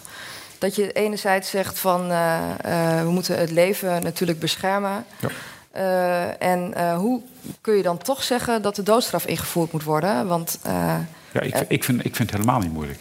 Die 30.000 eh, abortussen, het zijn er trouwens meer tegenwoordig... dat zijn allemaal potentiële levens die heel veel zouden kunnen. Hè? Dat, die kunnen net zulke mooie dingen doen als wij hier allemaal nu mogen doen. ja, dus mensen waar kansen in zitten. En als je kijkt naar de doodstraf, zeggen wij... één, het, het zal deze periode niet ingevoerd worden... want we zijn de enigen die, eh, die het in het programma hebben staan. Niet eens in onze speerpunten overigens, maar in het eh, diepere, Ja, de lange termijn erachter. ja. Ja, maar dat gaat ons echt om dat je zegt... ja, iemand heeft heel veel levens genomen... of eh, nou, echt iemand die andere levens neemt... en misschien ook een gevaar is voor de samenleving. In dat geval zou je Ja. kunnen denken. maar je straft iemand natuurlijk omdat je geen herhaling wilt. Dus Ja. je kunt dan zeggen we zetten iemand in de gevangenis. Ja. Dan komt er geen herhaling. Dat is dan toch het doel bereikt? Dat kan, maar ik- noem altijd, maar het is, het is lang geleden, maar eh, eh, Hitler, eh, ook na de Tweede Wereldoorlog, in Nederland zijn er ongeveer 40 mensen toen veroordeeld tot de doodstraf. Ja, mensen hebben dan zoveel levens genomen. Ehm, is, dat nog, eh, is, dat, is, dat, is dat nog proportioneel? Dus eh, in dat soort gevallen zeggen wij van, daar zou je erover kunnen denken. Zou het kunnen dat in Nederland toch anders over dit soort dingen wordt gedacht dan je soms denkt? Want vanochtend stond er artikel in Trouw dat eh 80% van de mensen die een eh, kies, eh, een stemwijze invult, eigenlijk ehm, eh, het goedkeurt dat bij een voltooid leven euthanasie plaatsvindt. Ehm, ik denk zelf dat mensen een stemwijze best wel eerlijk invullen. Hè? Dan, dan geef je geen politiek wenselijk antwoord, maar puur je eigen voorkeur. Dus als 80% dat vindt, en dat ging om een groep uit alle lagen van de eh, maatschappij, mannen, vrouwen. Ehm, denkt u dan dat er misschien toch iets moet veranderen op dat vlak? Of houdt u dan vast, of hou je dan vast aan je eigen standpunten op dat vlak? Sowieso. Kijk, wij zeggen eh, het leven komt uit Gods hand. Dus daar moeten we eh, niet op ingrijpen in normale omstandigheden. Ik heb over de doodstraf denk ik net eh, genoeg gezegd. Dus daar houden wij aan vast. Ehm, er zijn natuurlijk globale peilingen. Als je kijkt naar onderzoek, in 2016 is er onderzoek gedaan door Snabel. In 2020 ook een onderzoek gedaan specifiek naar voltooid leven. En dan zie je dat daar, eh, als je daar dieper onderzoek naar doet, dat er heel diffuus over gedacht wordt. Eh, wij zeggen, laten we alsjeblieft, want het gaat om het eind van het leven over het algemeen. Hè, mensen die vaak op leeftijd zijn. Eh, laten we eromheen gaan staan. Laten we zien dat een oudere het doet en laten we ze waarderen. En dan, eh, als dat zo is, kan het in heel veel gevallen al zomaar een heel anders zijn. Vaak hebben mensen ook het gevoel van, we zitten de jongere generaties in de weg. Want wat leveren we nog? En we zijn alleen maar zorgvragers. Of, nou, laten we dat alsjeblieft wegnemen. En ik hoop Ja. dat dan een heel groot deel ervan wegneemt. Maar natuurlijk kunnen mensen ergens anders over denken. Maar laat ik heel helder zijn, de SGP gaat er niet anders over denken. Ja, nee. nee. Want jij gaat altijd dan wel uit van dat, dat het misschien nog iets te verbeteren valt. Hè? Net als bij abortus. Maar het kan natuurlijk ook zo zijn dat iemand dat echt niet meer wil. Ja? Ja. Ja, kijk, we zeggen niet, je hoeft het leven oneindig te rekken met allerlei eh, kunstmatige eh, eh, dingen die je nog toepast. Het levenseinde mag er ook zijn. Maar we zeggen, je moet niet actief ingrijpen als, als mens om een ander leven te beëindigen. Een levensnodige rekken? U zegt de levensonnodige rekken. Nou, je kunt ik. natuurlijk heel lang doorgaan met medische behandelingen. Dat iemand zegt, ja, wil je die beademing nog steeds erop hebben? Doe dat misschien niet, hè? Of mensen zeggen, als ze heel vaak eh, iets hebben gehad dat je gereanimeerd zou worden... zeggen mensen, nou ja, ik heb een protocol dat ik niet gereanimeerd zou willen worden. Dat kun je respecteren, dat is een natuurlijk levenseinde. En los van, het, los van het levenseinde. Kijk, we zijn een technische universiteit. Tegenwoordig in 2023 hebben we ook een hele grote faculteit die juist op eh, techno- technologie en geneeskunde actief is. Ja. Ehm, ik kan me ook voorstellen dat er, dat er robots aan het bed staan. Of dat eh, de huisarts een, een, een AI-gedreven eh, applicatie op een telefoon is. Ja. Ehm, dan gaat het juist over levensverlengende maatregelen. Misschien wel een rol van technologie in, in dat leven wat, wat Ja, volgens u door God gegeven dat, is. Als dat kan, is dat mooi, hè? Maar wat, je hoeft het natuurlijk niet tot in de oneindig... Je kunt mensen heel lang wel blijven beademen of zo. Maar nee, ik vind dit soort ontwikkelingen prachtig. En eh stimuleer het ook. En dat kan ook in die zorg weer natuurlijk enorm helpen... om te kijken van die grote zorgvraag die je straks hebt... Als je uitkijken moet straks één op de drie eh, eh, mensen die werkt... zou in de zorg moeten werken. Ja, dat is natuurlijk niet haalbaar, dat is niet betaalbaar, maar zoveel mensen hebben we ook niet.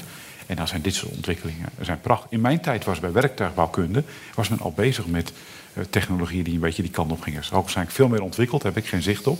Maar ik vind dit, uh, op zich kunnen dit hele mooie ontwikkelingen zijn die ook weer kunnen helpen. Maar dat is 200 miljoen voor mantelzorgondersteuning is dan peanuts vergeleken met, met een forse investering die bijvoorbeeld op zorgtechnologie ja. zou kunnen passen. Maar ik, ik zie het in jullie programma niet zo nadrukkelijk terugkomen. Nee, nou, je, kijk, je moet soms gezamenlijke ja, samenlevingszorg voor elkaar. Ja, nou, ik vind het mooi. Kijk, daar hebben we eh, op zich denk ik niet enorm over nagedacht. Dus uh, ik doe ook graag een idee op als ik ergens vandaan kom. Dus uh, het is een mooi idee voor ons volgend programma om eens goed naar te kijken of we het daar niet in op zouden willen nemen. Maar nu staat het er niet in. Nou, dat is mooi. En dat allemaal dankzij de Universiteit, Universiteit Twente. Ja, het is de mooiste universiteit die er is. Technische geneeskunde. ja. ja. Mooi, bedankt. We gaan weer naar Arleen. Ja, Um, we hebben ook wat vragen binnengekregen natuurlijk. En een van die vragen die gaat um, over iets wat u zojuist ook zei. Uh, uw grootste wens is om de christelijke normen en waarden weer terug te brengen in de maatschappij. Of nou ja, uh, weer, uh, dat, dat ze wel weer wat meer gaan leven, denk ik ook. Toch merk je in de praktijk dat er zijn natuurlijk heel veel geloven en daar hebben we mee te maken elke dag.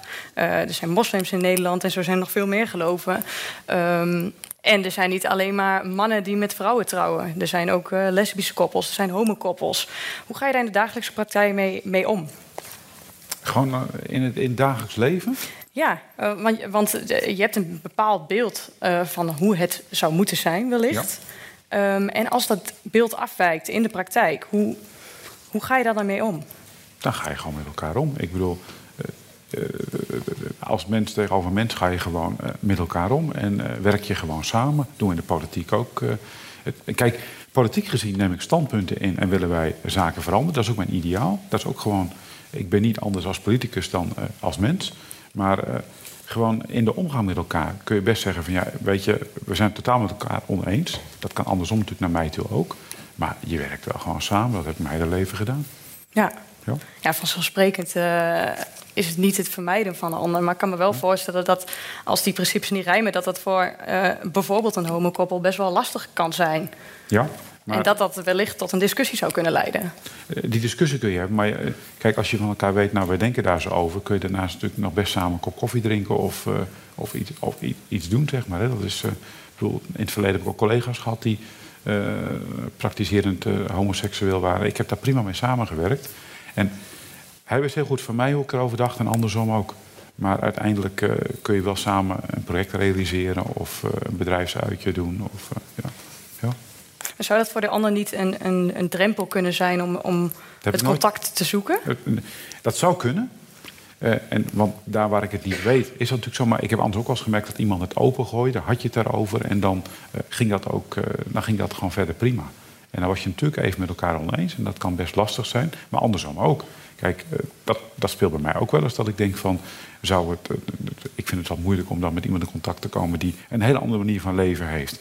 Maar toch erop afstappen en met elkaar gewoon dat gesprek aan kunnen gaan... het verschil durven duiden en wel met elkaar samenleven. Ik, ik snap de vraag wel, hij houdt mij ook al een beetje bezig. Want wij, toen wij ons voorbereiden, dan en ik lees het programma van de SGP en ik kijk naar, naar de standpunten van de SGP en jullie stemgedrag over de laatste uh, 105 is het volgens mij, 105 jaar. Ja. Zover heb ik niet teruggekeken, maar, maar er zit iets heel principieels in. Ja. Uh, het liefst zou ik zien dat iedereen christen is, dat we het christelijke waarden weer terug hebben. Het liefst ja. zou ik zien dat de doodstraf ingevoerd wordt. Heel, heel stellig. En tegelijkertijd in de, in de interviews die je geeft en de manier waarop je presenteert, zeg je dat je heel wereldbewust bent, dat je pragmatisch omgaat met. Uh, met andere groepen, met mensen met een andere overtuiging, met de manier waarop we dit land aan het inrichten zijn. En ik weet eigenlijk niet, als ik nou in de schoenen ga staan van, van Hanna in 2070, of ik mij dan Christoffer herinner als de, de principiële politicus, of de pragmatische SGP'er die misschien wel, we gaan zo meteen jou, jouw prognose bekijken, die misschien wat SGP wat meer schwung wist te geven. Welke van die twee varianten gaan we nou zien? Ja, in 2070. Uh ik, eh, de kans dat ik dan, dan zou ik 96 zijn, dan ben ik heel oud. Ik weet niet of ik dat. Ik hoop het wel in goede gezondheid. En ik heb in mijn voorslag, hebben jullie net gezien, uh, oude mensen gehad. Maar ook mensen die jong overleden. Dat weet ik niet. Ik weet niet hoe mensen me herinneren. Ik hoop in ieder geval dat ze uh, uh, zich herinneren dat ze denken van... hij heeft in ieder geval zijn best willen doen om dingen beter te maken. En niet op een harde, uh, onmenselijke manier, maar vanuit een ideaal gedreven. Dus principieel en pragmatisch. En menselijk. En menselijk. Ja. Okay. Misschien is het menselijk om beide dingen te willen combineren. Alleen, had jij verder nog vragen? Ja, er zitten hier een aantal uh, heren met oranje hoodies in de zaal. Misschien kan ik even naar jullie toe uh, lopen om jullie wat te vragen. Als jullie dat goed vinden. Wat een beetje overvallen, sorry daarvoor, maar ik ga het toch doen. Mooie kleur, hè? ja, hele mooie kleur. Ik ben wel benieuwd waarom jullie hier vandaag zijn gekomen en uh, wat jullie van het gesprek vinden. Ja, gewoon gekomen om. Uh, ja, ik ben zelf ook gewoon een SGP-stemmer en ook. Uh, ja, we kennen.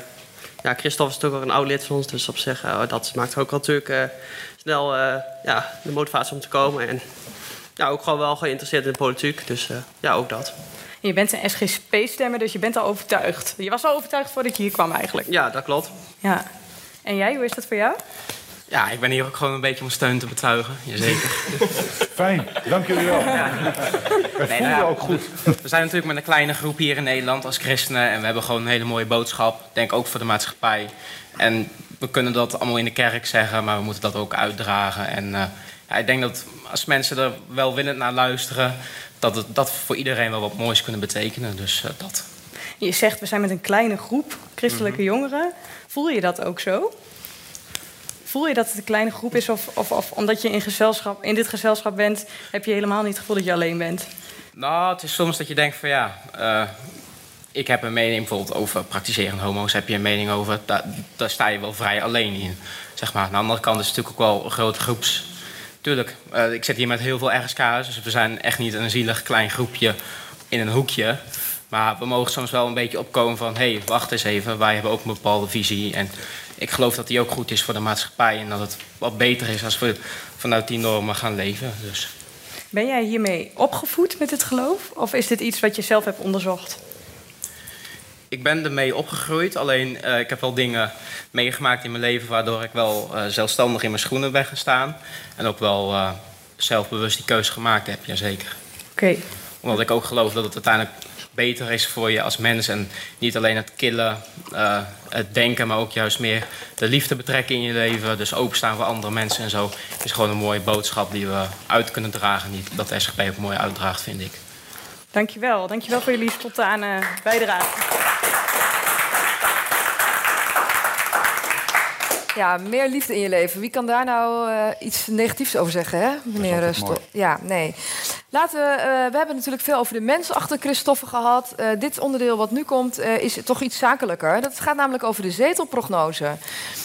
sinds wij dit zo doen met van torentje naar torentje... vragen we alle lijsttrekkers om een lijstje in te leveren... Ja. Oh, dit is hem al. En dit is hem Ja. al. Oh, ik, uh, oh oké. Okay. Uh, we zouden Vliegen er in meteen stapjes in. gaan doen Ja. om de spanning erin te houden.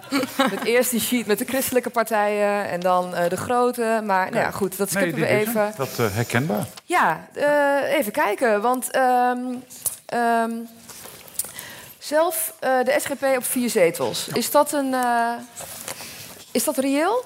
Eh, Ik denk dat het kan. We zijn eh, de afgelopen verkiezingen, afgelopen twee verkiezingen telkens gegroeid. Ja. We op ruim drie zetels de afgelopen Ja, het was drie, hè? Ja. Ja, en de afgelopen provinciale verkiezingen waren wij een van de weinige partijen die door het BBB-geweld niet verloor. Kijk. Wij wonnen nog eh, Ja. 20.000 stemmen. Dus ja, we moeten zo'n 40.000 stemmen meer dan de vorige keer. ja. Dus het, het kan. Ja, het kan. Nou, dat is in ieder geval positief, eh, vind ik altijd. Dat een lijsttrekker zichzelf eh, even lekker eh, inschat. Ja. Ehm, als we dan kijken wat het betekent voor de rest van de christelijke partijen, hoe ziet u dat? Of, ik heb de ChristenUnie gelijk gehouden, vijf Ja. zetels. Als je de peilingen ziet, is het nog wel een redelijke uitdaging. Maar ik denk dat dat ook kan. Ik gun het ze ook. En het CDA, er staan de peilingen eh, wat beroerder voor. Dus mijn broer is CDA-wethouder, dus ik heb natuurlijk altijd enige liefde daarvoor. hè. oh ja. Maar ehm, ja, ik, ik denk dat het CDA altijd in ieder geval de peilingen verslaat. Ik gun ze nog wel iets meer dan die zeven, hoor, natuurlijk. Maar eh, Bontebal ik, zat ik denk dat Bontebal gisteren op beter gaat 15. doen dan... eh, ja, dat heb ik gezien. Dat was iets te optimistisch. ik gun het hem van harte. Maar dat is nog wel een hele stap. Maar Ja. ik denk dat het CDA het beter gaat doen dan de peilingen het zeggen. Ja. Dat heb ik al meer gehoord. En als we dan gaan kijken naar... eh, ja, Timmermans durft het net zelf niet te zeggen. eh, hij wilde geen prognose doen. Volgens mij is dat ook een noviteit in deze eh, reeks. Hij durft Maar, niet te kiezen. Nee, hij durft niet te kiezen. Ja, dat is, was een goede geweest. Ja. ja, dat is wat, hè? Ja. Maar jij hebt de GroenLinks en PvdA op 20 eh, zetels gezet. Ja, ik vind behoorlijk wat hoor. Maar ja. het is meer dan ze nu samen hebben. Ging het met pijn in het hart? Nee, kijk, getallen vul ik gewoon niet. Maar eh, nou ja, weet je, als ik nu de peilingen zie, ze zullen nog wel terugzakken in wat je nu ziet. Maar eh, ja, het, is, het is zelfs nog drie stemmen winst. eh, of Ja. drie zetels winst. Heb je gebruik gemaakt van de peilingen en van, van het op de, de stand van de dag? Of zit hier ook Nee, niet een direct. beetje wens, Die heb wens ik als wel- vader van de gedachte? Ik, ik, ik, zal- ik ben beter in getallen dan in letters. Dus ik zie die peilingen natuurlijk af en toe langskomen. En ik heb wel, die heb ik al in het achterhoofd zitten. Dus ik heb hem er niet bij gepakt. Maar ik heb wel ongeveer eh, scherp wat eh, die peilingen grofweg waren. En daar heb ik wel wat op gevarieerd. Ja. En het was, eh, je denkt dus dat VVD en NSC gelijk eh ja, dat worden de grootste partijen, denk ik. Dat worden, ja. ja, ja. ja. Ehm, en als we dan kijken hoe dat dan, waar dat dan naartoe kan, zeg maar, met al die getallen. Ik moet zeggen dat ik niet zo goed in getallen ben. Maar ehm, maandag kwam Pieter Omzicht, noemde een, een, een rechtskabinet waar ook de SGP in zat. Ja. Mooi om te horen.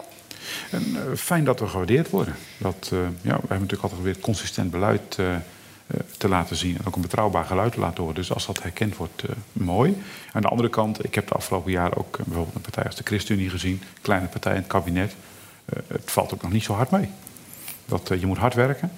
En om je eigen geluid boven tafel te houden, dat valt ook niet zo hard mee. Er is wel afbreukrisico dan, hè? Voor uw partij. zeker, Ja, ja. ja. Ja. Is het dan belangrijker om op die vier zetels te blijven, mocht hij uitpakken, eh, mocht u zo uitpakken, of is deelname aan een kabinet belangrijker? Nee, kijk, wij gaan vanuit eigen geluid. En of we dat doen vanuit de constructieve oppositie, zoals we dat de afgelopen jaren vaak hebben gedaan. Of vanuit een gedoogrol, dat hebben we ook eh, in de afgelopen periode een paar keer gedaan. Eh, dat zou ons ook prima passen. Dus wij, eh, ik heb een verre voorganger gehad, dominee Abma. Die heb ik als jongetje nog horen preken. En die zei, die was toen fractievoorzitter van de SGP. Die zei, wij rijkhalzen er niet aan, wij kokhalzen er niet van. Nou, eh, dat is ongeveer waar we staan. Eh, het hoeft niet per se, maar eh, we lopen er ook niet voor weg als het, als het niet anders kan en het land bestuurbaar moet blijven. Ja, want eerder heb je ook gezegd, ik, ik, ik ga wel voor een, een rechtskabinet en ik, we willen ze ook wel steunen. Het ideaal is altijd een middenrechts kabinet Ja. voor ons geweest. En dat is ook als je de kiezer eh, dat afgelopen jaren uit ziet spreken. En wat je telkens zag, is dat het, het kabinet wat er kwam... altijd net iets linkser was dan de kiezer uitsprak. En daardoor zie je denk ik iets van een soort... Nou, één, dat valt niet mee om dan zeg maar, wat van elkaar te krijgen als kabinet. En twee, eh, in het land eh, wordt het ook niet herkend. En dat kan slecht uitpakken voor u dan eh, bij de volgende verkiezingen. Nou, kijk, als je een kabinet hebt wat eh, centrumrechts is... denk ik dat je gewoon datgene kunt doen waar het land ook naar verlangt. Ja, Eh, dat je eh, financieel degelijk eh, kunt zijn. Dat je niet de grote dingen doet. Goede dingen voor het platteland doet. Goede dingen voor het gezin doet. Ja. Dus, ehm, ja, dus die dat 20 dat, eh, zetels voor GroenLinks, PvdA is dan ook wel een beetje een, een strategische keuze. nee, ik denk ongeveer dat ze daar uitkomen. Dat, eh, Nou, hij zei zo net, hij is goed met cijfers. Dus, eh, VVD, NSC samen 58, ja. plus 7 van het CDA is eh, 65. En eh 5 van eh ChristenUnie, 4 van jullie. Dat zijn er 74. Wat dan dat minderheidskabinet, zoals Pieter het eh, afgelopen maandag noemde... is Nou, dat dan de, de weg om te gaan? Een Of? partij als BBB vergeet je daar natuurlijk bij. Maar Oh, die, eh, eh, die zou daar natuurlijk zeker een rol in kunnen spelen. En eh, het is in de provincie... Maar de zo'n brede is- coalitie van al die partijen... is dat iets wat leeft in jullie gedachten? Kijk, de kiezer moet eerst spreken op 22 november. Dan weet je pas wat voor getallen daar echt staan. En ik denk ongeveer dat dit het zal worden. Maar het zal echt ergens dan wel een beetje een plusje en een minnetje worden. Kijk, want als je naar het CDA hebt natuurlijk wat... Ik denk dat die het wat beter doen. Ik denk dat BBB het ook wat beter doet dan je nu in de peilingen ziet. Ehm, maar ja, ik denk dat dit ongeveer wordt. En dan op 23 november dan zal de grootste partij gaan kijken van... Ja, en, eh, hoe gaan we dat verder vormgeven? Nou, en wij zullen daar in wat voor opzicht altijd een constructieve rol eh, op innemen. Ja. Maar ik ben meer voor een meerderheidskabinet dan voor een minderheidskabinet. Dat is een, een van de dingen die in jullie verkiezingsprogramma regelmatig terugkomt, is dat vertrouwen herwinnen van de burger, de vertrouwen herwinnen van de kiezer. Ja. Eh, we, we stipten het misschien wel een beetje aan bij het gezin en ook wel bij de regio. Ehm, eh, jullie hebben nog nooit die vier zetels gehaald. Nee. Wat, wat, wat maakt de SGP dit keer dan zo vertrouwenwekkend of vernieuwend dat die 40.000 extra stemmen, dat jullie die over de streep gaan trekken? Nou, in de, in de afgelopen twee verkiezingen, wat net aangaf, 2021, 2017. Eh, de- vanaf 2017 hebben we echt een forse sprong gemaakt. En eh, ik hoor veel waardering terug voor het werk wat ook Kees van der Staaij heeft gedaan eh, de afgelopen jaren. En diezelfde lijn hadden Roelof Bisschop en ik ook. Dat heb ik echt met z'n drieën gedaan als driemanschap. We hebben ook nu weer een mooie lijst. Dus het, ja, de afgelopen jaren verkiezingen zag je ook wat terugkomen. Dat je denkt, hey, dat wordt gewaardeerd. Uh, 20.000 stemmen meer dan die provinciale verkiezingen daarvoor. Dus het zit echt wel in een opgaande lijn. Ja, en de geluiden die ik in het land mee krijg, ik zal natuurlijk meer mensen horen die zeggen van jullie doen het best goed en we zien het zitten. Maar ik hoor best een heel aantal mensen die nooit SGP stemmen, die zeggen ik ga dit keer toch doen. Dus uh, ik denk dat het, uh, dat het zou moeten kunnen. Ja. En was het niet toch een goed idee geweest, ik wil ook wel even geluid uit het land meegeven, om wat vrouwen op die lijst te zetten? Ja, uh, kijk, ik ga er niet over. Ik ga ons hoofdbestuur over. Dus ja, maar ik, dat vind ik wel ik een beetje makkelijk. Ik hoor je dat Nee. vaker zeggen en dan denk ik, kom op. uh, Kijk, kijk, je, dit- je zit aan de teugels, hè? Nee, zeker niet. Ik ik ben Ah, de politiek leider. Ik ga over die inhoud uitvoeren. Ja. Ik ben eh, zelf eh, ook op, op de lijst gezet. Dat had ook niet gekund. Maar eh, dit is een discussie in de partij. En eh, er zijn mensen die vinden heel sterk dat het moet. Er zijn In gemeenteraden gebeurt het wel. gebeurt het zeker. En in de provincie stonden ook op een aantal lijsten mensen. Maar er zijn ook mensen in de partij die zeggen, eh, dit doen we niet. Het staat ook in ons beginselprogramma dat, het, eh, dat we het niet doen. Dus ja, eh, kijk, Ja. een discussie die wordt in de partij gevoerd. Maar dingen altijd- veranderen, ontwikkelen. En, en, en, en Zeker. zeg je vrouw niet van, eh, kom op, eh, Nee, Chris. kijk, mijn vrouw heeft altijd gezegd van de SGP, dat is de beste partij. Chris, daar hoor jij thuis. Dus daarom zit ik daar nu ook. Ja. Dus dan weet je hoe de verhoudingen liggen. En voor de rest, als, als ik thuis een probleem heb... en ik ga er met de buurman over praten en denk, ik word het erover eens. Ja, dat is leuk. Maar als ik dan weer thuis kom en Sofia en ik zijn het niet samen eens... eh, dan wordt het nog niks. Dus dit, dit gesprek wordt in de partij Ja, maar gevoerd. daarom hoopte ik dus ook dat zij eens een keer wat zou zeggen daarvan. Mijn vrouw heeft, eh, die vindt het keurig, deze lijst die hebben. Zelf zou ze ook niet politiek actief willen zijn. Dus eh, daar ligt het probleem niet. Van haar hoeft het niet aan. Nee, nee. Nee. Nou ja, wie weet over vier jaar gaan we het meemaken. Kan maar zo. We kunnen Ja. in de toekomst kijken, dus, maar het is nu zoals het is. Ja, het is, Ja. bedankt voor deze lijst. En ook bedankt voor het interview. Ehm, jij had geen vragen meer, hè? Nee, nee even eh, check, check, dubbelcheck. Christoffer, heel veel succes met eh, de verdere campagne en bedankt. Dank jullie wel.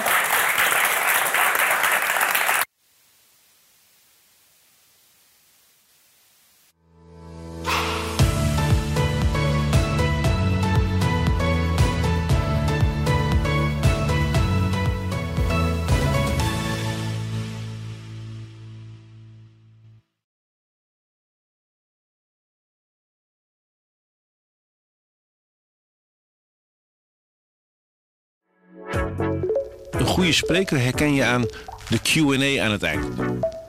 Onze lifehack-expert Martijn Aslander geeft je adviezen waar je echt wat aan hebt.